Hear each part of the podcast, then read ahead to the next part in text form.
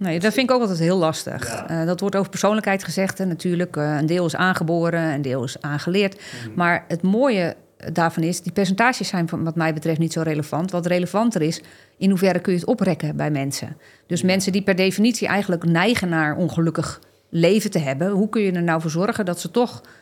Ja, ik zeg altijd, er zit een bepaalde bandbreedte. Hè? Als, je, als ik kijk naar taekwondo, dan kun je heel lenig zijn. Maar sommige mensen die kunnen door veel te trainen toch nog wat leniger worden. Of die zijn juist Ja. niet zo lenig en die kunnen dat een beetje oprekken. Letterlijk en figuurlijk in dit geval. Ja. En dat kun je met persoonlijkheid en geluk eigenlijk ook. Je kunt dus zorgen dat je de dingen doet om gelukkiger te worden.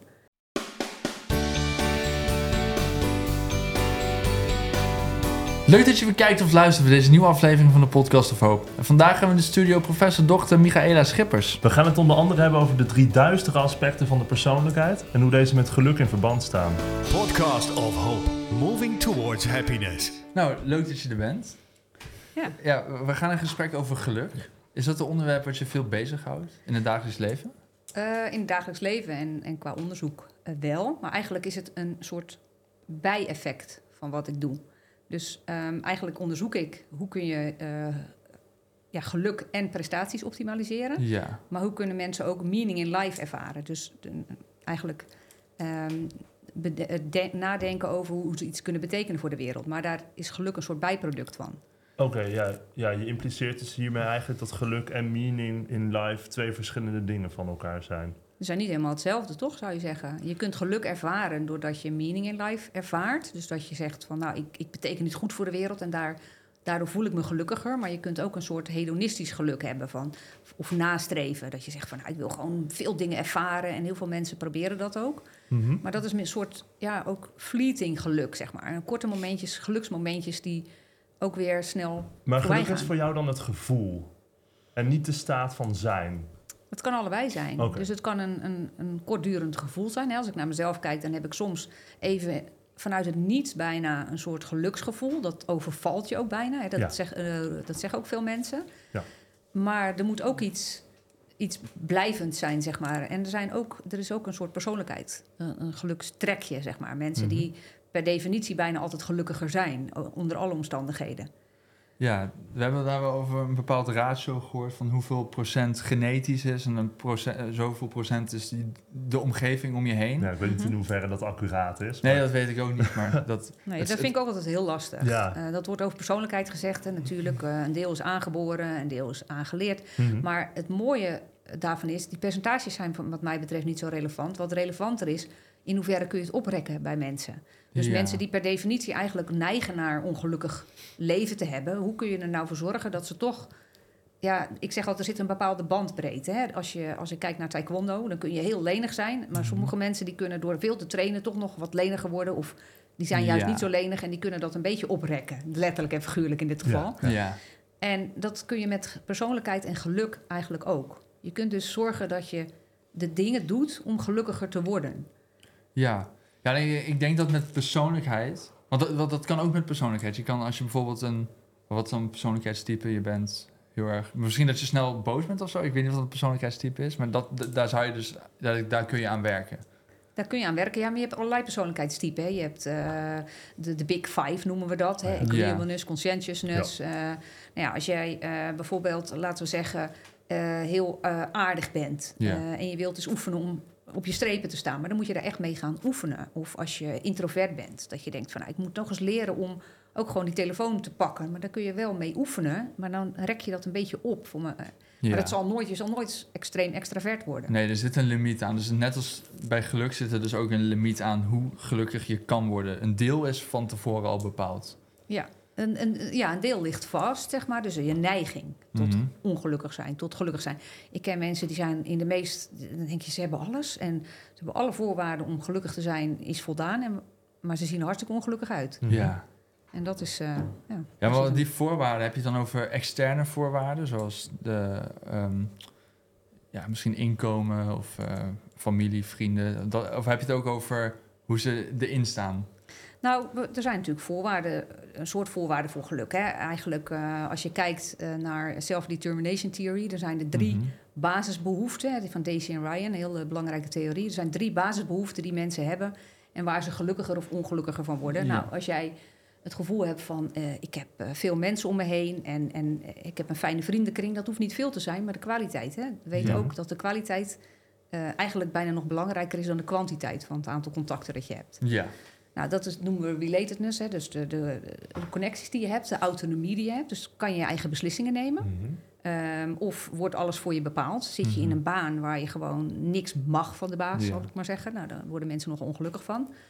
Ehm, en competentie. Dus heb jij het gevoel dat je dingen beheerst, dat je iets kunt. Eigenlijk heel simpel. Hè? Je ziet het al bij Ja. kinderen. Ik wil het zelf doen en ik wil zelf, ik wil iets kunnen. En als je dan zegt, nou, hartstikke goed gedaan, dan wordt het kind al heel snel heel blij. Dus die erkenning voor dat ze al iets kunnen zelf is Ja. heel belangrijk. Dus het is aan de ene kant die autonomie, maar ook dat je met die autonomie wat nuttigs kan doen. Niet dat je vrij Ja. bent, maar eigenlijk je wel zo'n mislukkeling voelt. Ja, als je naar deze theorie kijkt, zijn dit de basisbehoeften. Maar als je nog een stapje verder gaat, dan, dan eh, als je kijkt naar eh, wat, wat vinden mensen nu echt belangrijk, hè? bijvoorbeeld aan het eind van hun leven. En je vraagt ze, wat vind je nou belangrijk? Dan zeggen ze heus niet dat ik zo hard gewerkt heb mijn hele leven. Nee. Maar eh, dat ze iets nalaten voor de wereld. Dat je iets bij hebt gedragen om de wereld een klein stukje beter te maken. Ja. Daar worden mensen echt ontzettend gelukkig van. Ja. Ehm, en van dingen als eh, bijvoorbeeld ehm, random acts of kindness. Eh, dus gewoon eens een keer iets aardigs doen voor iemand. Eh, maar degene die dat ontvangt, die wordt daar gelukkig van. Maar degene die het geeft, wordt eigenlijk... Ja. Eh, ja, daar is het bijna nog belangrijker voor. Ja, die wordt er misschien nog wel gelukkiger van, ja. Ja, dat weten we, dat eh, degene die dat... Dus als eh, bijvoorbeeld, het is ook heel grappig, er zijn mooie onderzoeken. Als jij mensen geld geeft en je zegt van je mag iets voor jezelf voorkopen... of je mag er, eh, er wordt eigenlijk expliciet gezegd, ga er voor een ander iets voor kopen. Ja. En dan zie je dat de mensen die voor een ander iets kopen of het geld weggeven, dat die eh, meer geluk ervaren dan de mensen die het eh, voor zichzelf besteden. En geldt dat voor iedereen of alleen voor bepaalde persoonlijkheidstypes? Ehm, nou, het- dit, dit is een algemeen wat we noemen een hoofdeffect en het geldt nooit voor iedereen. Nee. Ehm, we kijken altijd in de psychologie, waar ik dan mijn eh, basisbeginselen heb eh, opgedaan. Mhm. Kijken we van, nou, pff, weet ik veel. Is- mensen worden er significant gelukkiger van. Maar als je dan daarbinnen weer kijkt, dan zie je dat bepaalde persoonlijkheidstypen ehm, dat soort dingen helemaal niet zo vaak doen. Dus me- mensen die in de dark triad eh, ho- daar hoog op scoren, hè, de Ja. psychopathie, narcisme en. ehm, Kijk op psychopathie, narcisme en Machiavellianisme. Ja. Ja. En Machiavellisten, dat zijn mensen die willen manipuleren, die willen andere mensen alles naar hun hand zetten. Dus ja, een beetje controledwang ook bijna. Mhm. Nou, die zijn eigenlijk, eh, als ik kijk eh, naar mijn onderzoek, ik heb dat eh, uiteindelijk eh, nog niet gepubliceerd, maar ik doe ieder jaar onderzoek met mijn, eh, bij mijn studenten en bij hele grote groepen. En in de beginjaren deed ik, eh, keek ik ook naar die Dark Triad. En dan zag je dat, ze in, dat die groepen vaak ongelukkiger waren. Ook minder presteerden trouwens eh, Mm. eh, in hun. dus dat, die, die twee gaan wel vaak samen. Hè? We zien ook bijvoorbeeld Ja. de, dat depressieve studenten dat die minder goed presteren. ja, dat kan ik me wel voorstellen. Maar Ja. dus mensen met die drie eigenschappen, die Ja. hebben ook een grotere kans om dan depressief te zijn, in principe? Eh, ze zijn minder gelukkig, maar ik heb de relatie met depressie eerlijk gezegd nog Oh, niet bekeken. Dus dat zou best kunnen. Ja. Dat daar ook wat meer depressie bij zit. Eh, En wat is precies het verschil tussen ehm Machiavellianisme en psychopathie? Eh Machiavellisten die kijken gewoon eigenlijk, hè, dat komt ook uit het boek Machiavelli, Ja. dat Italiaanse zeg maar. En daar werd toen echt advies gegeven aan koningen Ja. en Ja, precies. hoe kun je nou je machtsbasis behouden? Dus dat gaat echt om hoe kun je mensen manipuleren en eh, ervoor zorgen dat je de macht behoudt. Eh, psychopaten, die, dat gaat eigenlijk een, een stapje verder. Die vinden het fijn om andere mensen schade toe te brengen. Dus waar Machiavellianisten heel berekenend zijn, van we, doen, we brengen schade toe en we willen er iets mee bereiken, Oh. kunnen psychopaten ook, eh, en dat is even heel simpel uitgelegd, want er zitten we allemaal nuanceringen in. Ja. Maar een psychopaat vindt het fijn om een ander schade toe te brengen en kan er zelfs van genieten. Ja. En dat hoeft bij een Machiavellianist niet per se. ja, en er kan dan een hogere mate aan, eh, ja, hoe zeg je dat? Willekeurigheid in zitten of zo, minder berekend misschien. Ja. Ja, bijvoorbeeld, ehm, er was een, een, een vrouw die was getrouwd geweest met een psychopaat en eh, die was gescheiden. En toen vroeg ze aan hem van, maar waarom heb je mij nou uitgekozen? Want ik ben eigenlijk gewoon een heel lief, naïef iemand, bij bij wijze van spreken. Toen zei hij van, ja, je had zo'n mooie glimlach, dat wilde ik kapot maken. Dus daar zit niet echt een, ja, er zit alleen maar iets destructiefs in. Ja. En dat is niet echt eh, om iets te bereiken of zo. Ja, wat wil je ermee bereiken? Ja, maar, ja, maar dan als je dat zo zegt, kan ik me ook heel goed voorstellen dat dat soort mensen over het algemeen minder gelukkig zijn. Ja, want dat is geen manier om in het leven te staan, toch? Maar kant, ze krijgen er wel voldoening uit. Dus ze, doen ze het niet met de gedachte dat ze daar gelukkig van worden? Mm, ze willen wel iets, maar dat, het, het, voelt, het voelt meer als sadisme, zeg maar. Of een sadistisch genoegen. Maar ik zou dat geen geluk noemen. Ik, Nee. tenminste, Het is ergens ook een beetje hedonistisch. ja, maar hedonistisch, dan denk ik meer aan van je eigen geluk nastreven. Ehm, Ja. En dit, dit, een sadistisch genoegen scheppen in iets, dat is ja, proberen een, een, een iets te krijgen wat, wat geen voldoening gaat geven, zeg maar. Je, je, Ja. je doet wel iets, maar het is niet de juiste manier om Ja, gelukkig te worden, zeg maar. eigenlijk dan net als hedonistisch geluk, misschien moet ja, ik zeggen. ja, het is, gaat alleen maar om jou. Ja. en, eh, en niet om, ja, zo, zo, zo zou, dat, die vergelijking kun je wel maken, denk ik. Ja, Maar je, je, je, je, je- die eigenschappen, die zie je terug bij je leerlingen? Of hoe? Nou, we hebben studenten. Nou, kijk, eh, eh, niets menselijks is ons vreemd. Dus eh, toevallig heb ik mijn, leer ik mijn studenten, eh, dat was jaren geleden al, gaf ik een vak waarin ik al dat soort dingen, eh, organizational behavior, organisatiegedrag, waarin ik alle persoonlijkheidseigenschappen langs liet komen. En dan liet ik ze ook vragenlijsten invullen over die persoonlijkheidseigenschappen. Ja. En dan gaf ik ze ook een informed consent om te vragen of, dat, eh, of ik dat mee kon nemen in mijn onderzoek. En ehm, nou, dus dat, dat eh, deed ik dan ook. Ehm, dus zij vulde gewoon vragen in. En zat het hele spectrum zit erin. Dus ik kreeg inderdaad een student die naar me toe kwam van... joh, eigenlijk eh, ja, ben ik best wel een psychopaat. En ik, eh, maar mijn studenten hebben dat helemaal niet in de gaten. Want, Ja. eh, en het was inderdaad een hele, hij zag er heel aardig uit. Nou, weet je, half lange haar, heel aardige, echte studenticoze jongen, zal ik maar Ja. zeggen. Ja. Eerstejaars waren het allemaal. En ehm, toen zei hij van, nou, ik had het idee dat hij het wel fijn vond dat mensen helemaal niet in de gaten hadden dat hij zo eh, was. En toen zei ik van ja, maar het gaat erom wat jij doet daarmee. Ja. Kijk, ik ken de psychopathie en, en de dark triad is vaak gerelateerd ook aan crimineel gedrag. Ja. Maar heel hoog in organisaties zitten ook juist psychopaten en het is een heel mooi verhaal. Er was een hoogleraar die, was, ehm, die Oh, deed ja. daar onderzoek naar. Ik Ja. weet niet, het verhaal ken je Ja, waarschijnlijk. die ik weet ik, eerlijk ja. gezegd heel even zijn naam nu niet. Nee, dat weet ik ook niet. Maar eh, hij eh, was onderzoek aan het doen. Onder, eh, had bij zijn familieleden gekeken wie er eh, psychopaat waren. Maar hij had ook echt een onderzoeks... Ja, dat deed met een, met een breinonderzoek, deed hij dat toch? Breinonderzoek, Ja. ja. Je kan het dus zien in het brein. Ja. En het grappige was, hij had die twee stapels liggen. En eh, toen dacht hij van, eh, toen zag hij een, een, een duidelijk plaatje van een psychopaat. Tenminste, dat kon je dus zien in het brein. En toen dacht hij, hé, hey, die ligt op de verkeerde stapel. En toen ging hij kijken, oh, dat ben ik zelf. Ja. en toen kwam hij erachter dat hij zelf psychopaat was. En toen ging hij nadenken van, ja, inderdaad, ik vertoon ook psychopathisch gedrag. Alleen ik ben er hoogleraar mee geworden. En dan zei hij ook van, ja, soms dan... eh, als iemand mij iets misdaan had, dan nam ik jaren later nog wraak. En dat, dat soort dingen Oh, vertelde ja. hij ook. En had een keer Oh, had hij heel erg zijn arm verwond. En dan ging hij gewoon zo zitten kijken. Zo van, nou, het ligt allemaal een beetje uit en zo. En ja, dat een normaal mens denkt, ah, ik ga nu naar de dokter en Ja. doe iets. Ja, volgens mij toen zijn familie dat hoorde, waren ze ook allemaal zo van... Oh ja, dat verbaast me niks. Nee, ja, Wat leuk. fijn. ja. Ja, ja, maar zo zie je dat je dus in, zeg maar, helemaal in de, in de, bene- eh, zeg maar de, de onderste laag van de samenleving en de bovenste laag van de ja, de samenleving. uiterste van de, van de normaalverdeling als het ja, ware. daar komen die Ja. uitersten ook dus in voor. Ja, Dus of, eh, ja, als je dus heel slim bent en psychopaat, dan, dan kun je het heel... En die hebben ook vaak een machtsmotivatie. Dus Ja. de machtsmotivatie is veel groter. En die Ja. ko- hè, van de hele dark triad, denk ik. Ehm, en die komen dan ook veel hoger. En soms, sommige mensen scoren hoog op alle drie. Hè? Je kunt en narcist en psychopaat en machiavellinist in één zijn. Ja, zo. Eh, is dat ehm, ook gewoon persoonlijkheid? Is dat aangeboren? Is dat nature? Is dat nurture?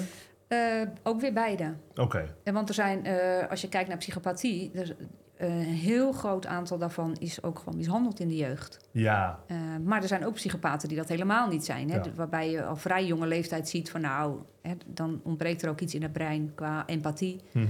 eh, en dergelijke. Dus beide kan weer voorkomen. Oh, Ja. Dat is fascinerend, ja. Dit zijn wel dus duidelijke uitersten. Het is, want ik, dacht eerst die Dark Triad, zo van, oh, iedereen heeft dus een klein beetje, een, Ja. klein, een kleine Stalin in zich, in zich zitten waar hij voor op moet passen. Ja, ik weet, ik weet niet hoe dat... ik weet, ja, ik weet niet Nou ja, nou, nou ja, dat is, nee, nee, dat is wel natuurlijk de discussie geweest na de Tweede Wereldoorlog. Van Hmm. waarom zijn al die, hè, de banaliteit van het kwaad, die, Ja. die, die mensen die daar in de rechtbank zaten, eh, die, dat leek, konden gewoon je buurman zijn. En Ja, Ehm, dat waren Ja. gewoon ook vaak bureaucraten die gewoon eh, hebben gekeken: oké, dit moet er gebeuren. En het is gewoon een job to be done. Hè? We gaan eh, Mhm. wat mensen eh, ter dood brengen, maar dat hoort nu bij ons werk. Ja. Dus dat is wel, ehm, en niet dat er een kleine Stalin in iedereen zit, ik denk, maar ik denk wel dat de neiging, als jij alle macht krijgt, hè, daarom zeggen ze ook, macht corrumpeert en absolute macht Ja. corrumpeert absoluut. Ehm, als jij heel hoog komt, dan moet je. En, en je, er zijn geen checks en balances meer. Als jij, eh, weet ik veel, eh, president van een of ander land wordt eh, Mhm. waar, waar je gewoon dictator mag spelen. Dan heb jij de neiging om jezelf heel belangrijk te gaan vinden. En dat is ook normaal en menselijk. Mhm. Maar er moet wel mensen zijn die jou tegen moeten spre- kunnen spreken. En als jij dat de kop indrukt, dan ga je steeds meer de neiging krijgen. Eh, hè, toen ik zelf een hogere positie kreeg en uiteindelijk hoogleraar werd, dacht ik ook van zal ik nu misschien hetzelfde gaan doen als ik sommige andere Ja. hoogleraren heb zien doen. En Ja. hoe voorkom ik dat ik dat ga doen? ja, maar daar is een stukje zelfreflectie heel belangrijk in, denk ik. Ja, en ik heb dan, ik bespreek dan bijvoorbeeld met de mensen in mijn team expliciet van joh, ehm, ja, als er iets is, zeg het me. Maar dan nog is het lastig voor mensen. Maar dan betekent het zodra ze iets zeggen, dat je wel meteen eh, daar ook eh, aandacht aan moet geven. Ja. Hè, als iemand heel voorzichtig iets tegen je zegt, dan moet je bedenken van die persoon zegt dat voorzichtig omdat hij nu ziet dat Ja. ik die status heb en durft het niet zo goed. Ja. Ja. En als je dat meteen de kop indrukt, nou dan kan je vergeten dat ze het de volgende keer weer doen. Ja, absoluut. Ja, daar moet je inderdaad mee oppassen.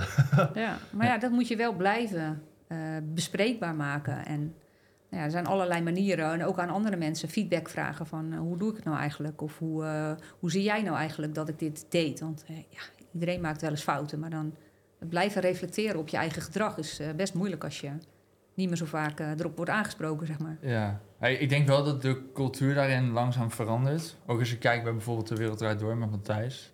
Ik, ik heb het gevoel... Ik neem aan dat dat een beetje hetzelfde verhaal is, toch? Ik denk dat sterrenallures misschien een soort van symptoom daarvan zijn. Ja. Ik heb het gevoel dat er wel een Hmm. soort van meer bewust over wordt Er is wat meer bewustzijn aan de ene kant. En aan de andere kant eh, heb ik het gevoel eh, dat het ook steeds erger wordt of zo. Ja. Dat overheden heel veel macht naar zich toe hebben getrokken en dat ook heerlijk vinden. En, ehm, Ja.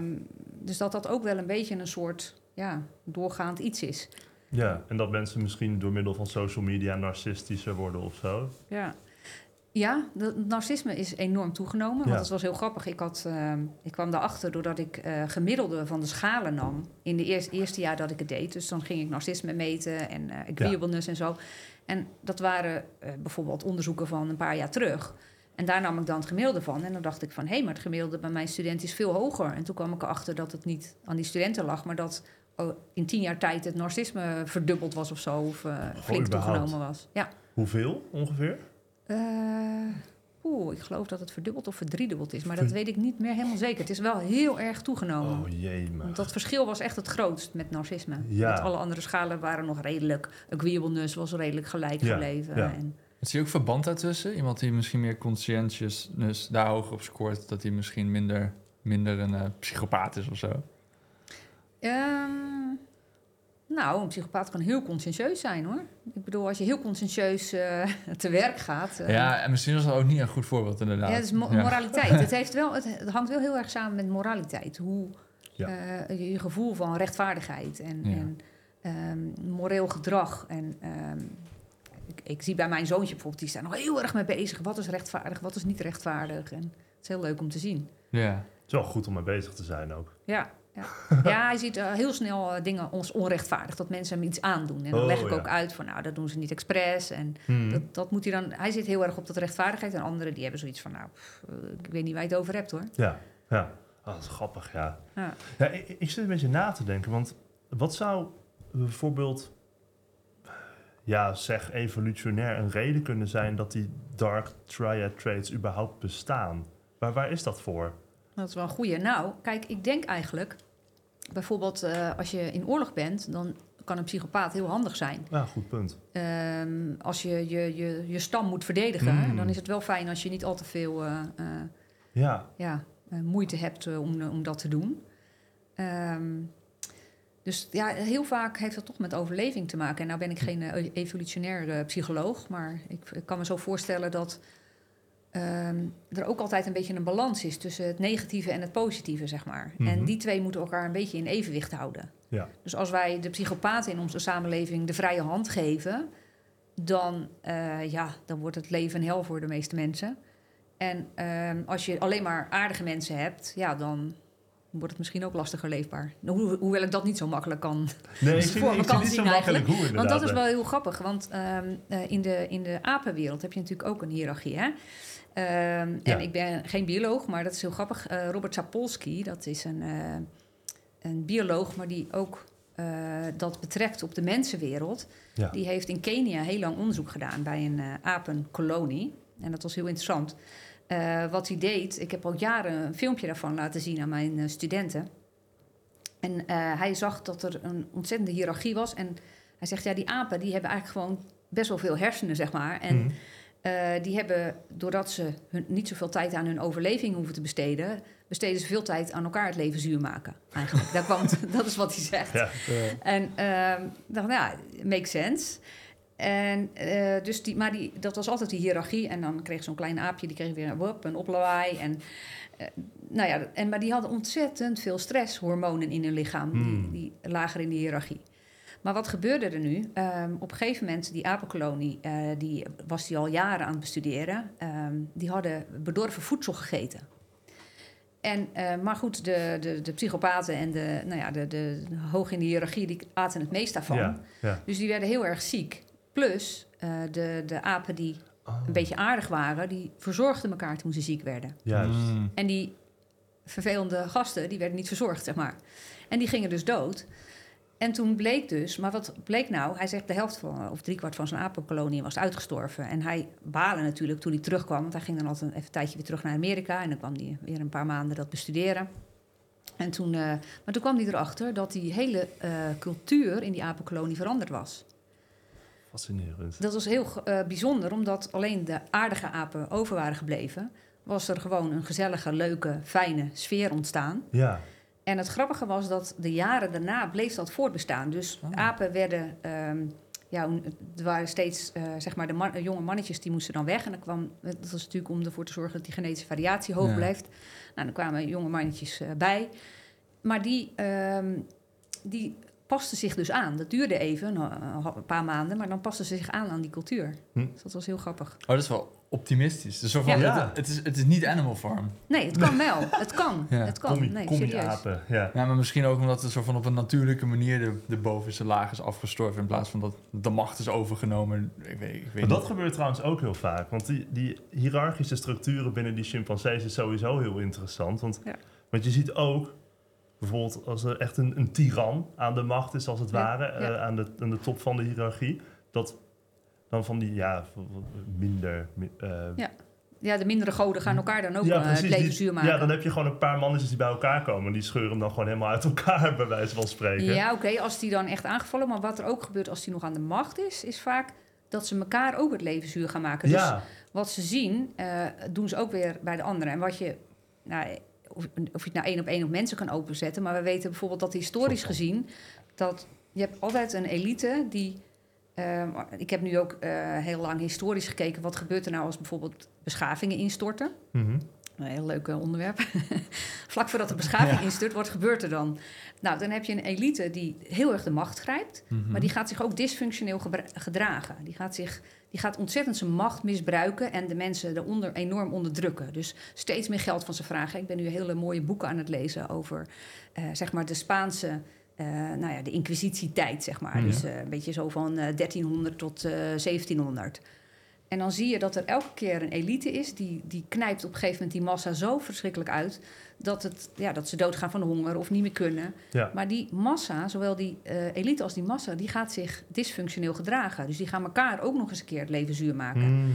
En je ziet ook bijvoorbeeld dat ehm, in de dierenwereld vaak dat als een. eh, wij hebben natuurlijk dan bij psychologie ook gehad, die, ik weet niet of je het wel gehoord hebt, van die draadmoeder. Dat is dan, een aapje wordt dan geboren en die, die geven dan helemaal geen moederliefde. En die geven dan alleen Oh, maar een, een soort ijzerdraad en dat is dan de moeder. En de klant die zich wanhopig gaan vast, maar er komt helemaal geen liefde van terug. Oh. Ja, het is echt heel zielig. Ja. Experiment. heel onethisch. Komt het goed uiteindelijk met het aapje? Nee, dat Oh. is het vervelende. Kijk, Ja, met, maar- maar, maar het hoopvolle is dat het bij mensen wel goed kan komen. En misschien Oh. bij een aapje ook wel uiteindelijk. Maar in ieder geval in het experiment, wat ik dan bij psychologie, wat we dan te horen kregen, was, of tenminste wat ik dan ook zag, daar zag je ook filmpjes van. Dat aapje deed, wist dan als die een, een jonkie kreeg, niet wat hij ermee moest. Dus die gooide dat van Oh. zich af. Die Of die had had, nooit geleerd om een kind op te voeden. ja, Omdat die hij had, zelf niet Oh, was opgevoed. die had nooit liefde kunnen geven. Ja. En dat betrok ik eh, heel erg op mijzelf, omdat ik kom zelf uit een heel dysfunctioneel gezin. Mhm. En mijn moeder mocht ons nooit meer liefde geven, want dan was mijn vader heel jaloers. Mhm. Dus wij werden nooit meer geknuffeld. Maar goed, ik had psychologie gestudeerd en toen was ik aan het studeren. En toen dacht ik, ja, ik wil dus niet eindigen als zo'n eh, aapmoeder. Ja. Dus eh, toen heb ik eh, geoefend. Ben ik op, ben ik, zeg maar, ik was op een gegeven moment uit huis en ik leefde bij mijn tweede moeder. En ik had een heel lief eh, eh, neefje. En toen ben ik eens heel voorzichtig zo. Zou die het merken? Nee, hij had niks in de gaten. Oh, gelukkig. Ehm, ben ik zo gaan oefenen. En dat kan je dus wel leren, blijkbaar. Maar hoe Tenminste, voelde hoop dat ik. dan voor jou? Toen- want je oefende dus om liefde te geven. Was het dan in het begin heel raar om te doen? Heel ongemakkelijk. ik zat dus echt letterlijk. Zou die het merken? Oh, Gelukkig, hij merkt niks. Oké. Nou ja, dat moet je dus vaker herhalen en dan wordt het gemakkelijk. Kijk, zoals hij doet, is het heel gemakkelijk. Ja, oh, ik was te snel, ik was te snel. Laat me gewoon oefenen, man. Ja, precies.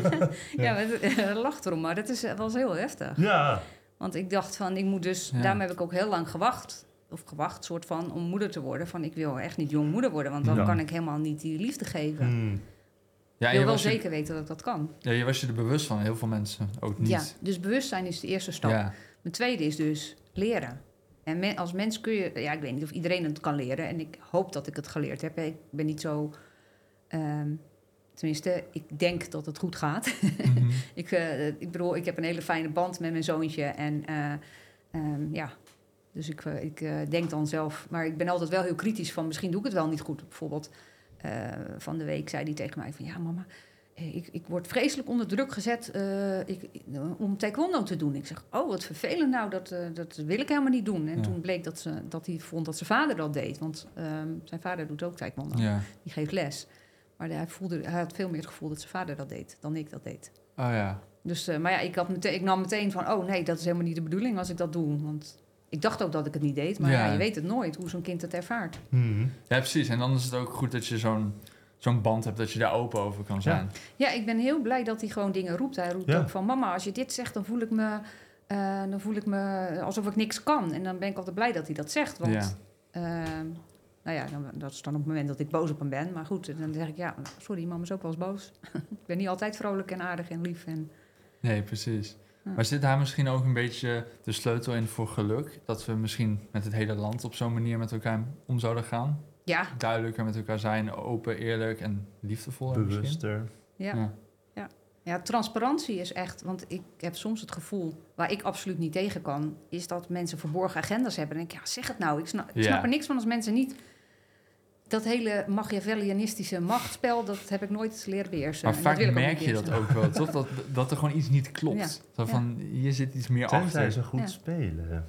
Ja, precies. De beste, de beste heb je niet door. Ja, nou, nou, dat weet ik niet. Ik heb het idee dat ik het altijd wel voel. Je voelt wel iets. There's something's off. Hmm. Er klopt iets niet.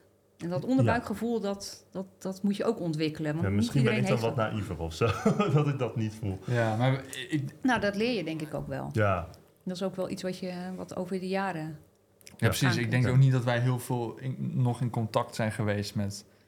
Nou, dat weet je die- niet. Nee? Oh, misschien Ik niet. weet het ook niet natuurlijk, maar Ja, dat is wel waar, je weet het niet.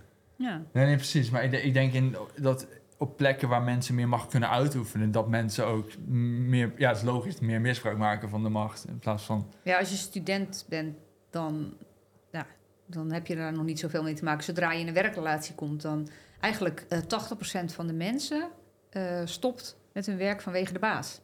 Dat is Ah, echt extreem veel, hè? Of stopt, Ja. of, of Hoeveel gaat procent? 80. Ik dacht iets van 80, ja. Stopt met... Zo. Of, of zeg maar, gaat ergens anders heen. Dus het meeste verloop komt eigenlijk door eh, de, de leidinggevende Ja, omdat hij gewoon de grootste kans heeft om wat van die Dark Triad eh, te hebben. Ja. eigenschappen te hebben. Ja, Ja, klopt. Ja, en zo uit te oefenen, hè? Want je ja kunt ze hebben, je moet maar... je- ja, ook uit te oefenen, ja. Ja. ja. maar dat is hoe je op de machtspositie bent gekomen om mee te beginnen. Klopt, klopt. Want Vaak wel, niet altijd. Ja, maar je zou het er bijna van gaan denken. Heb je, die, heb je die eigenschappen nodig om überhaupt op een machtspositie te komen? Niet per se. En kijk, ik ben... Mijn motivatie uiteindelijk om hoogleraar te worden... dat stond op een gegeven moment... Ik heb goalsetting gedaan en dan stel je jezelf doelen. En Ja. Mijn eerste doel was hoogleraar worden. Ik had eh, eh, eerst gezegd, wat is, eh, het gaat eigenlijk over lifecrafting. Dus dat Mhm. is, wat is je ideale leven als er geen enkele belemmering zou zijn? Ja. Dat vraag ik mijn studenten en nog veel meer. Ik begin met, wat vond je als kind leuk om te doen? Ehm, en dan vraag ik, hoe ziet je leven eruit als je zo doorgaat op deze weg? En dan in het tweede deel ga je dan, eh, als je daarover geschreven hebt, ga je dan doelen eruit halen. Nou, Ja. Dat doe ik altijd ook voor mezelf. En de eerste keer dat ik dat zelf deed, dacht ik, ja, ik wil eigenlijk wel hoogleraar worden. Nou, waarom wilde ik hoogleraar worden? Ehm, omdat ik dan het anders kon doen. Want Hm. ik zag zoveel ehm, ja, corruptie, perverse beloningssystemen in het hele eh, universitaire systeem, dat ik dacht van, als ik nou mijn eigen team heb, kan ik het anders doen. Zoals een andere motivatie. Maar ik wilde geen decaan worden of eh, hoofd van de vakgroep. Want dan Mhm. moet ik allemaal andere taken doen die ik eigenlijk niet zo leuk vind. Hè. Ik vind onderzoek doen leuk. Ik vind verschil maken in de wereld leuk. Hè. Dus ik, ik, ik vind mijn motivatie is hoe optimaliseer ik voor zoveel mogelijk mensen geluk en prestaties. Mhm. Ja. Dus ehm, dat, ja, dat kan ik alleen doen als ik daar ook de tijd voor krijg. Als ik niet, eh, weet ik veel, de hele tijd functioneringsgesprekken moet Ja, voeren of ja, eh, allerlei andere dingen doen. Maar was, jouw was jouw eh, keuze om hoogleraar te worden conform Ikigai? Ehm, wat is Ikigai? Ikigai is purpose, eigenlijk purpose in life. Hè? Het heeft ook een hele eh, andere connotatie in het Westen gekregen. Maar eigenlijk Oh. is het je doel in je leven of je reden, van, eh, reden om op te staan... of je reden van je, van je bestaan. Ja. En Ikigai is wel heel mooi, want dat is eigenlijk ehm, gepopulariseerd door Dan Buettner. Dat is een wetenschapsjournalist. Eh, een Amerikaanse wetenschapsjournalist. En die wilde heel graag ehm, kijken eh, waarom, hoe kun je zo oud mogelijk worden. Dat was eigenlijk zijn. eh, Oh, echt? ja. Ah. eh, de 100 plus. Dus hij ging naar alle hotspots in de wereld waar mensen ouder dan waar veel meer mensen dan gemiddeld Ja. ouder dan 100 werden. Ja, Japan dus onder andere. Ja. Ja. Onder andere Japan, Sicilië Okinawa. eh, ehm, en maar ook in eh, Italië. En Ja, dan keek hij naar eh, wat eten ze dan, hè, het med- mediterrane dieet. Ja. De, de, dat ze met elkaar omgaan. Maar een van de belangrijke pijlers was eigenlijk dus ook het doel in het leven. En dat meaning in life. En ehm, op Okinawa zeiden ze dan, wat is jouw ikigai? En dat bleek daar heel gebruikelijk te zijn. Maar dat is ook het, eh, het grappige, dat is ook het enige één woord, zeg maar, eh, waar het één woord is. Ik ken niet andere talen waarin het maar één woord is. Me- Meaning in life. Oh, ja. Eh, ja. Dus ja, eigenlijk wel, ja. ja. Het is maar... Maar het grappige is, daar, daar is het heel gebruikelijk dat je het vraagt. Maar toen hebben ze een onderzoek gedaan ehm, in ehm, eh, Japan en in eh, Amerika. En hebben ze in Japan gevraagd, heb jij Ikigai? En in Amerika, eh, wat is jouw purpose in life? En wat blijkt nou? Mensen die in eh, Japan of in Amerika zeggen, ik heb purpose in life... die leven gemiddeld zeven jaar langer, ehm, ongeacht leefstijl. Hmm. Oké. Dus dat is wel heel grappig. Dus meaning in life is gewoon ext- e- een extreem belangrijke Ja, factor. ongeacht levensstijl. On- ja. Ja, Dat is ja interessant het wel inderdaad. gecontroleerd voor levensstijl eh, in, in de Ja, dus analyse. Ja, ik kan gewoon als een zwijn blijven leven. Of in, niet per se nu als- Blijven, ja, ja, dat impliceer je Ja, misschien, wel. misschien wel. Maar zolang ik daar zo van betekenis in kan vinden, kan ik gewoon zeven jaartjes erbij plakken. Ja, ja. Gemiddeld. Gemiddeld. Ja, dus je Ja. kan ook morgen doodgaan. Hè? Dat is natuurlijk wel Ja, jammer. precies. Als je als een Ja, maar anders leeft. was je zeven jaar eerder dood gegaan. Dus dat... Ja, Ja, nee, gemiddeld. En, en, en als je dan ook nog gezond leeft, ja. Nou. Ja. Maar in ieder geval, dat was dus... Als je alleen maar dat effect van... eh, maar stel dat je en een gezonde leeftijd en meaning in life... dan leef je misschien gemiddeld Ja. 14 jaar langer. Dat weet ik niet. Maar. Maar eh, eh, zag, zie je dan ook dat, hè, je hebt dan in Okinawa is dat dus echt één begrip, één woord. Ja. En zie je daar dan ook dat dat belangrijk is voor die mensen, dat meer mensen daar ook echt een doel van een, voor hun leven hebben? Ja, wat je daar ook ziet is dat mensen tot, tenminste wat ik ervan gezien heb, tot op hoge leeftijd ook nog mee bezig zijn. Van wat is jouw doel Ja. in het leven? En dat verandert dan ook. Bijvoorbeeld ehm, een grootmoeder die 91 is, die vindt het nog leuk om voor de klein- of de achterkleinkinderen te zorgen. Ja, ja, ja. En dat is dan haar ikigai. dat is haar ikigai, ja. Oh, interessant. Ja. Of er was een vrouw die ging elke dag, dat liet Dan Buettner dan zien, die ging elke dag eh sinaasappels plukken. Dat was 91 jaar. Klom elke dag heel lenig in die boom. Oh, plukte de hele dag sinaasappels, kwam naar beneden en dan liep ze heel mank weer weg. Dus ze kon bijna niet meer lopen, maar ze kon nog wel elke dag in die boom klimmen om die sinaasappels te plukken. En dat vind ik dan altijd heel bijzonder. Dat, ik ben natuurlijk ook heel veel met sportieven bezig en met taekwondo en Ja. met Ja. eh, mooie prestaties. Hè. Ik, ik kan genieten van, van mensen die een prachtige prestatie kunnen leveren. En dan Ja. denk ik van eh, bijvoorbeeld de, de, eh, de grondlegger van taekwondo, generaal Choi Yong-hee, die kon tot op hoge leeftijd liet hij nog, eh, eh, liep hij op een gegeven moment met een stok. ja. Zette die, ging hij een seminar geven, hè, een taekwondo-seminar. Ja. Zette hij zijn stok weg. Ging hij taekwondo-seminar geven en dan liep hij met stok weg. En dan denk je, dat kan toch helemaal niet? Nee, Want taekwondo is dit dus ja, bijvoorbeeld. precies, ja. Ja, dan doet hij gewoon van die hoge schoppen en dan loopt hij daarna Ja, ik met weet niet of die nog zo uh, lenig was. Eh, dit, eh, dit ben ik zelf in de, in de bergen, in, eh, in de Aletsch Gletscher eh, in Zwitserland. Ja, Dat was een heel mooi, eh, ja, was een heel mooi seminar van, eh, of tenminste een hele week was dat eigenlijk. Dit is mijn, dit is wat ik graag doe in de vakantie, maar ook eh, in de rest van mijn eh, het ziet week. er wel echt fantastisch uit om het daar te met doen. die setting. Ja, ja. Heel mooi. Geweldig. Ja, dat was heel bijzonder. Het is heel koud ook. En ik heb eigenlijk hoogteziekte. Oh, dat, dat was ook wel bijzonder. Ik heb eigenlijk hoogteziekte. En, eh, en, en eh, zeg maar, dus ik krijg heel erg hoofdpijn en Oh, buik. ja. En, dus ik kon eigenlijk met moeite kwam boven met een nou ja, hoofd dat uit elkaar spatte. Ik heb daar twee uur lang taekwondo gedaan. En ik ging naar beneden en ik moest ondersteund worden. Omdat het zo hoog was. dus dat je was, zit in een soort van flow of, of ja, of ik heb geen idee hoe dat kan. Hè? Ja, dat is heel raar inderdaad. Ja. Ja, je zei dus, Ja. je, je hebt aanzien voor mensen die... eh, hoe, wat zijn nou Heel precies? veel bewondering voor mensen die iets moois kunnen. Ja, ja ik, ik, ik denk dat eigenlijk iedereen dat wel een beetje heeft, toch? Dat, misschien is damesport ook zo populair, dat het Ja. gewoon, Ja. gewoon inspirerend is om mensen dat soort, dat soort eh, ja, enorm, ja, hoe zeg je dat? Prestatie te zien leveren. Dat je denkt van, wow, ja. wat goed, wat kan, wat, wat mooi dat iemand dat kan. Ja, en dat laat je zelf misschien ook streven om, om het zet, het zet een soort van doel bijna, zo van, Klopt. je wil, ja. Dat, Dus- moet je, dat moet je dan wel doen. Ja, kijk, ineens, ik zit ook naar sport te kijken en ik sport ver- verder niet, maar ik ik bedoelde niet per se jou. Nee, maar Nee, het nee. is wel, ik, ik denk dan wel van, het geeft me wel enigszins inspiratie om dan ook bijvoorbeeld te gaan vechten. Ja, nou, ik eh, zag op een gegeven moment toen ik heel jong was een demonstratie. En toen dacht ik, wow, dit wil ik kunnen. Ik Ja. had heel sterk, dit wil ik. Ik was vijf Ja. jaar. Ik dacht, dit wil ik. Dit wil ik kunnen. Ja. En ik vind, sommige mensen worden jaloers, zeg maar. En jaloers is een negatieve energie, zeg maar. Maar eh, als je het post, bijvoorbeeld... eh, ik- op een gegeven moment had, had ik een Mercedes gekocht. Een tweedehands. En dan zaten mensen, oh, heb je een Mercedes? En ik had zoiets van, ja, het is gewoon een goede, leuke auto. Ja, ik vond dat helemaal niet zo relevant of zo. Maar denk ik van, ja, doe dat, koop dat dan zelf. Hè? Dan voel je een soort jaloezie soms bij mensen. Ja, jaloezie Ja. is heel, heel passief. Zo van, ik ben Ja. jaloers en het is ik, wil hebben, van- ik wil hebben wat jij hebt. Maar ik doe niks. Ik wil er niks voor doen. Ja. En dat heb ik wel heel vaak gezien. Dat mensen. ehm, je hebt eigenlijk ook een paar soorten mensen. Eh, als ik ze nou even heel grofweg in drieën indeel. Een hele grove indeling. Eén is mensen die goud eh, delven, zeg maar. Dus Oké. die iets moois maken, iets moois creëren. En dan heb je mensen die daar support aan geven. Dus bijvoorbeeld die verkopen dan de, ja. de spullen ervoor, zodat Mhm. jij eh, eh, hè, de, de, eh, hoe noem je dat nou? De houwelen die je nodig hebt Ja. om eh, het uit te hakken. Ja. Degene die de kwast van de schilder maakt of zo. Bijvoorbeeld. Ja. En dan heb je mensen die zeggen van ja, maar dat goud, daar wil ik niet al die moeite voor doen. Dus een Ja. soort hyena's die dan erop springen en dan dat afpakken van. Ja. Ja, ja, dat toch? Die, die pikken toch de prooi van. Eh, dus dus eh, ja. Ja, maar het is dus blijkbaar wel succesvol om een hyena te zijn.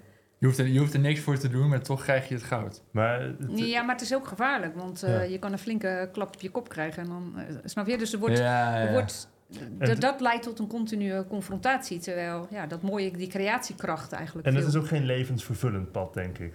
Het is niet Ikigai. Het is niet Ikigai, precies. Nee. Hmm, wat is mijn Ikigai? Ik word hyena. ik ga.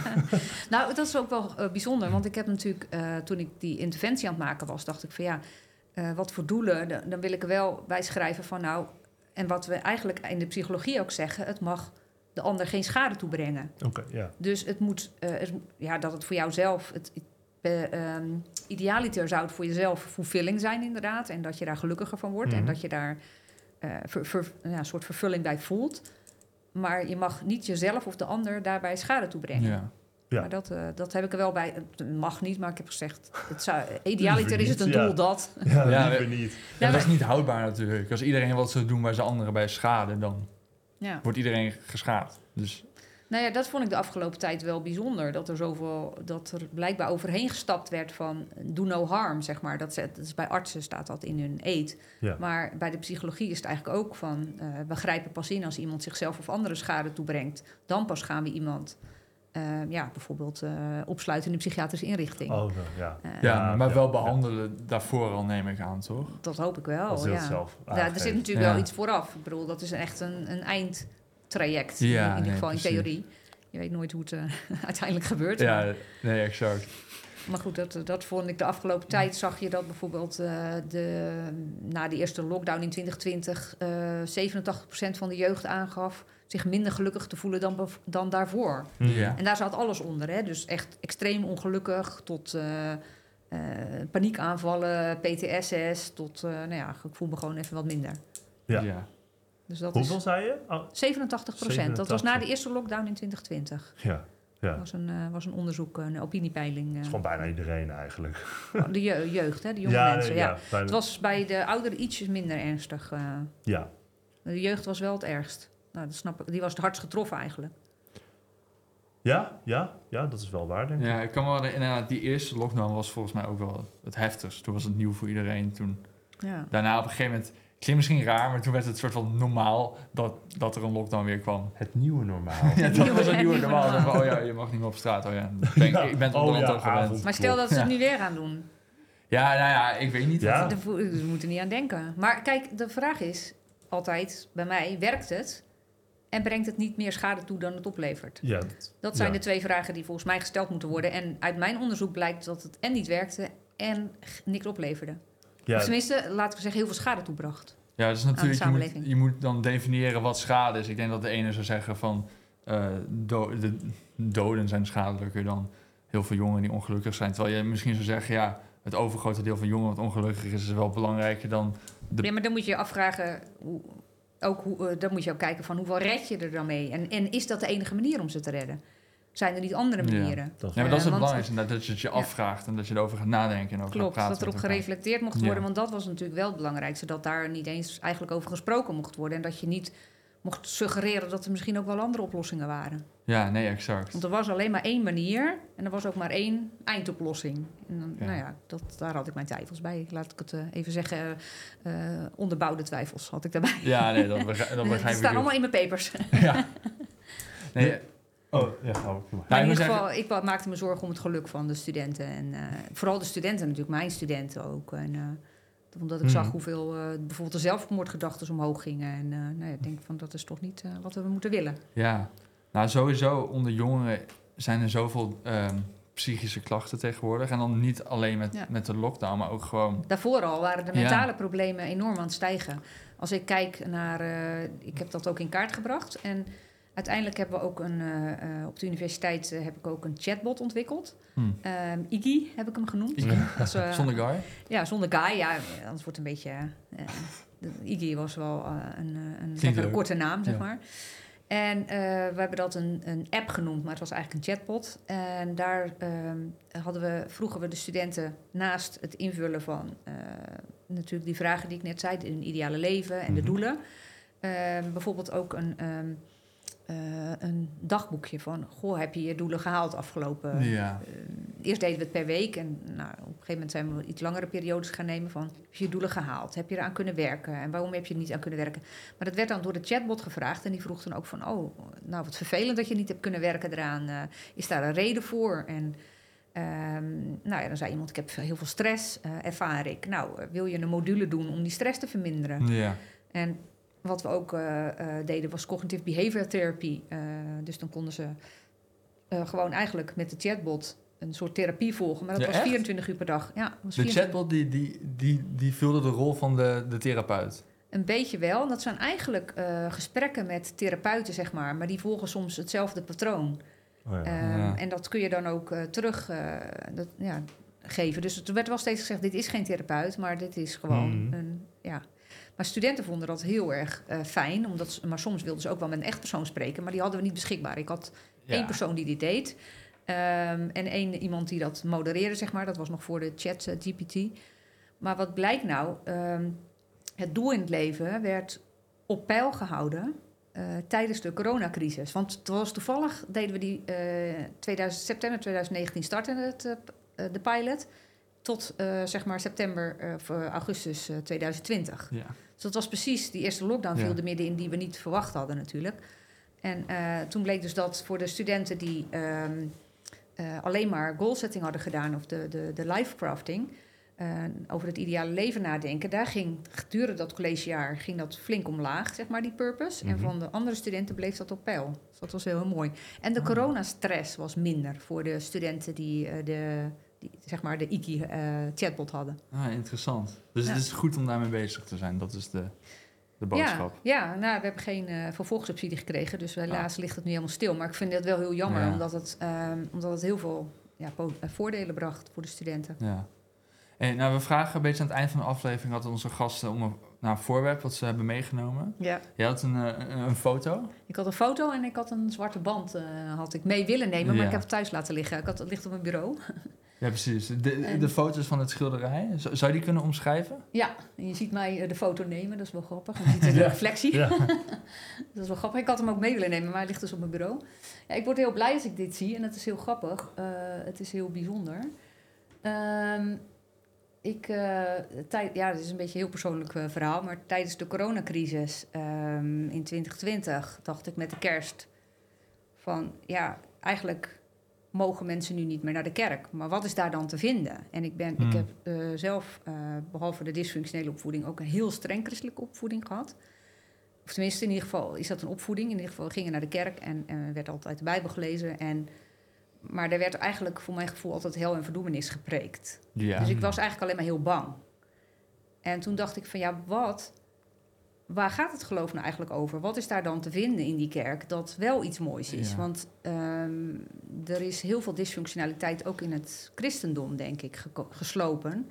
Eh, ook weer mensen die de macht hebben gegrepen, maar eigenlijk ook gebruik maken van angst bij mensen. Mhm. En toen ging ik eh, heel eh, diep nadenken. Toen dacht ik, ja, wat is God eigenlijk? Waar staat God dan voor? Want ik had als psycholoog besloten, nou, God en de duivel, die zitten gewoon in jezelf. Ja. En dat is eigenlijk die kleine Stalin en of, Ja. of die, die, die, die zwarte en die witte wolf, hè, zoals de indianen wel eens zeggen. Mm. En, Ja, ja. eh, welke wolf gaat er dan winnen? Nou, Engeltje dat is- duiveltje op je schouder, precies. ja, nou, welke wolf gaat er winnen? Degene die het voedt, het meest voedt. Ja, ja, dat was... Ja. Dat was een hele, dat vond ik ook een hele mooie. Maar goed, toen dacht ik, oké, eh, die angst, dat is het niet. Dat voelt niet goed voor mij. Hè, dat negatieve altijd. Eh, soms eh, zie je ook dat mensen denken van, als we nou even stevige interventies doen, dan gaat het helpen. Als we de angst aanjagen, als we mensen... Maar uit al mijn onderzoeken blijkt dat dat dus niet werkt. Dat je, dat je daar dysfunctioneel gedrag van krijgt bij mensen. Dus je bedoelt dat idee van de hel. Het idee van de hel, ehm, ja, eigenlijk wel. Eh, daar waar mensen bang mee worden gemaakt. Dat is de angst. Want ik dacht altijd, ik durfde dan bijvoorbeeld nooit te gaan slapen. Want Ja. ik dacht, als ik doodga, dat was ik heel klein natuurlijk, was ik vier of zo. Dan ben ik niet bekeerd en dan ga ik naar de hel. ja, want Ja. Ik, ik weet nog niet, ik ben nog veel te jong om bekeerd te zijn. Ik weet nog helemaal niet wat dat is. Ja. En eh, wat je bijvoorbeeld ook ziet, ehm, is dat ehm, in de psychologie, dat, me- dat bijvoorbeeld eh, criminelen of mensen die, eh, jongeren die dreigen op het criminele pad te, te geraken, die gaan ze stevig aanpakken. Een van de aanpakken is scared straight. Dus Ja. bang maken. Die, Vooral die in ken je, hè? Ja, dat is zo'n tv-programma in Amerika, Ja, toch? klopt. Het, is, Ja. het begon dus als een onderzoek, maar het is een tv-programma geworden. En eh, dus dan worden ze naar de, die jongeren worden naar de gevangenis gestuurd. En dan worden ze even flink eh, toegesproken door, een, eh, eh, door zijn inmate, zeg maar, door, dus door een gevangene. Oh. En het idee is van, dan, ehm, dan gaan ze het niet meer doen. Dan gaan ze niet verder op dat pad. Want dan zegt die gevangene van, ja, je wil niet eindigen zoals ik. En je- wat is het nou? En Maar wat gebeurt er nou? De kans is 7% groter Oh. Ja, als- dat ze op dat pad. en dan kun je je afvragen waarom. Nou, thuis krijgen ze dat, vaak dat voorbeeld al, dat negatieve voorbeeld. Ja. Eh, ze krijgen in die gevangenis, zien ze die inmate. Maar ja, dat was al wat ze gewend waren. Dus Ja. de kans is dus groter. En, en het is ook Oh. vaak iets van status ook gewoon. Van, eh, heb jij al eh, gevangenistijd gehad? ja. ja, soms is dat gewoon status ook. Oh, dat kan ik me niet voorstellen. Nee, ik ook trouwens. niet, maar dit is dus wat er gebeurt. En dan, dan hebben we het nog niet over de sociale gevolgen. De, maar dat, is, dat kun je gewoon berekenen hoeveel geld dat de samenleving kost. En er Ja. wordt nog steeds in geïnvesteerd. Er is, een, een, er is op een gegeven moment een film van gemaakt. Er is, dus ik denk altijd van waarom krijgen negatieve interventies? Oké, heel verhaal over angst. En toen dacht ik, ja, maar waar staat God nu voor? Mhm. Als ik nou terug ga naar de basis, helemaal terug, dan is God liefde. Oké, dan gaan we eens naar de positieve kant. Ja, daar kan ik wel wat mee. Toen dacht ik van, oké, als God dan liefde is, dan ga ik naar zo'n kerk toe en dan ga ik de kerk eens opbellen. Ik wil met de kerst eigenlijk wel met de- naar de kerk nu in 2020. Dus ik alle kerken in de omgeving afgebeld. Ja, dat kan niet, sorry, eh, lockdown en twintig mensen mogen er. Nou, ik wilde die oude mensen niet hun, eh, hun eh, dienst ontnemen. Dus eh, toen dacht ik, ja, wat ga ik nu doen? Dus ik ging naar, in Monnikendam, een klein plaatsje waar ik woon, naar één kerk die open was. Hm. En ik kom daar binnen, het is heel koud. Eh, er staan wat kaarsjes en daar ligt een boek waar je wat over corona kan schrijven. En toen dacht ik, ja, vorig jaar was ik hier met mijn zoontje en toen waren er prachtige koren. Daar ging ik dan nog wel eens heen. Vond ik heel mooi, want ik heb zelf vroeger in een kerkkoor gezongen. En ehm, toen ehm, dacht ik van ja, deze kerk, eh, daar moet gewoon gezongen worden. Ja. Dus ik had 40 jaar eigenlijk niet meer gezongen. Ik ga op het podium staan en ik ga kerstliederen zingen. Gewoon in je eentje met Ja. je zoontje. In mijn eentje, ja. Met een zoontje. En, eh, en, en op een gegeven moment een vriendin die heeft dat opgenomen. Die heeft dat, eh, hebben dat op Facebook gezet. En dat vonden mensen zo ontroerend. Maar ik had zoiets van, ja, ik kan helemaal niet meer goed zingen. Ik bedoel, ik heb een beetje ongeoefende stem. Maar mensen vonden het heel... eh, Ja, heel door die mooi. galm klinkt alles goed. Dat is waar. ja.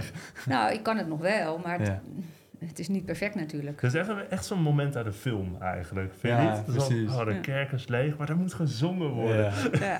Ja, het was ook zo koud dat de, de, Ja. de, de, De rook dampen, ja. precies. uit mijn mond kwam. Maar er was gewoon een soort van stem in jou die zei van... ik moet nu op het podium gaan staan en zingen. Ik ga het gewoon doen. Ja. Ja. Dat, dat, ja. En toen eh, heb ik mensen opgebeld. Ik was op een gegeven moment had ik me aangesloten bij een artsengroep. En die was, een, eh, eh, ook, een, een, was ook een soort kerkgenootschap.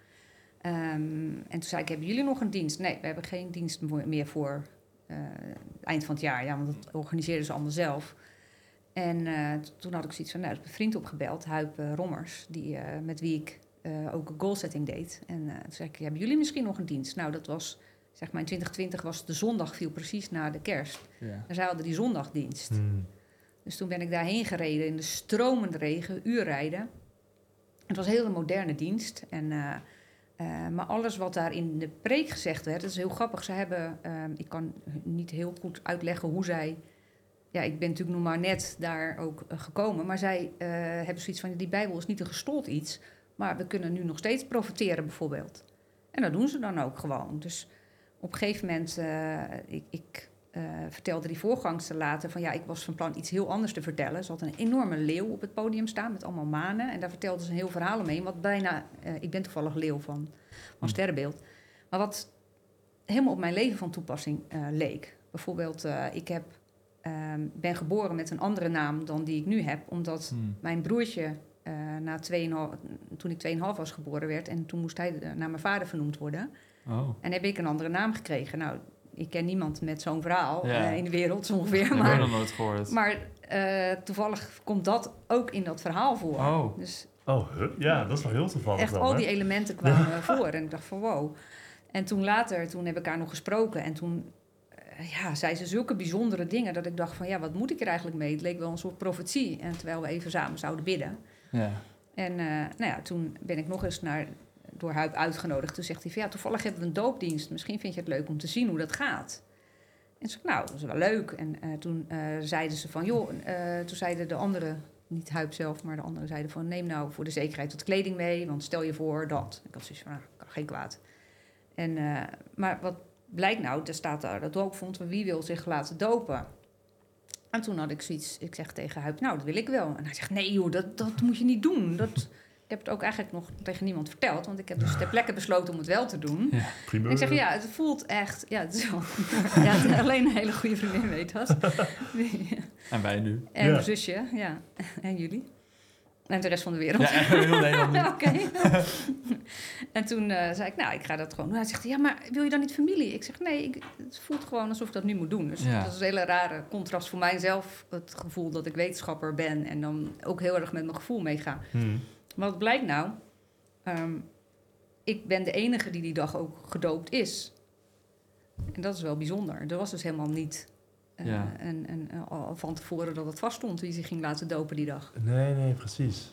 Dus dat was heel bijzonder. En dat liet ze ook zien, een soort, eh, eh, een soort filmpje van... nou oké, we gaan niet meteen op, oké, we doen het. Nee, kom even mee. En laat even een filmpje zien, Hmm. ook over de doop, hoe dat in de Bijbel ging. En dat op een gegeven moment duizend man zich op diezelfde dag heeft laten dopen. Hmm. En toen keek ik Huip ook aan van, ja, zie je, het moet gewoon nu Mhm. gebeuren. En hij had ook zoiets van, ja, inderdaad. Ja, Nou ja, mooi. dus dat hebben we gedaan. Ja, mooi inderdaad En hoor. voor jou staat Ja. dit- de- deze foto staat Oh, symbool... deze foto kreeg ik eh, cadeau. eh, na afloop, ja. Oh, oké. En toen dacht ik, hè, ze weten eigenlijk helemaal niet wie zich ging laten dopen die dag. En ze hadden dit al gekocht, maar dat... ehm, ja, ik vond, ik, ik vond het heel ontroerend toen ik dat kreeg. Dat, dat deed me heel veel. Ja, ja, ik vind het ook wel een, mooi- een mooie foto. En nu nog steeds eigenlijk. Ja. Ik kan niet zo goed zeggen waarom, maar... Nee, het is een hele mooie hoeft- Hoeft foto. toch niet eigenlijk te zeggen waarom, toch? Nee, zolang je het voelt. Ja. Ja, want ze vroegen van, goh, wat deed het je? En ik zeg, ja, pff, ik moet het even laten bezinken hoor. Toen Ja. gaf ze die foto en toen schoot ik inderdaad ook zo vol. Dus eh, ja, ik vond het heel mooi. eh. Hij staat op mijn bureau, ik word heel blij als ik het Ja, kan ik me voorstellen. zie. Ja. Ja. ja, nou ja, ja. Ik denk dat we hem hiermee afsluiten. Het is... Ja. Ja, ik vind het wel een inspirerend verhaal inderdaad. Absoluut. Die Ja, reist en dan uiteindelijk mondt het zich uit bij, ja, bij die doping. Mooi. ja, dankjewel. Nou, dank jullie wel voor Ja. eh, de uitnodiging. Heel erg Ja, bedankt. heel Ja. erg dat je er bedankt. Ik vond het echt een interessant gesprek. Dankjewel. Leuk dat je hebt gekeken of geluisterd naar deze aflevering van de Podcast of Hope. We hopen dat je ervan hebt genoten of misschien zelfs geïnspireerd door bent geraakt.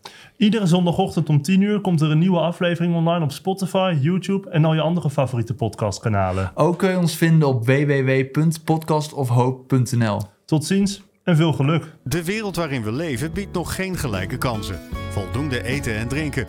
Een adequate opleiding. Goede gezondheidszorg. Vrede en geluk is niet voor iedereen weggelegd. Maar stap voor stap wordt het beter. En zijn we op weg naar een octopische samenleving waarin iedereen zijn of haar leven als goed kan beschouwen. Het is een lange reis, maar we zijn op weg.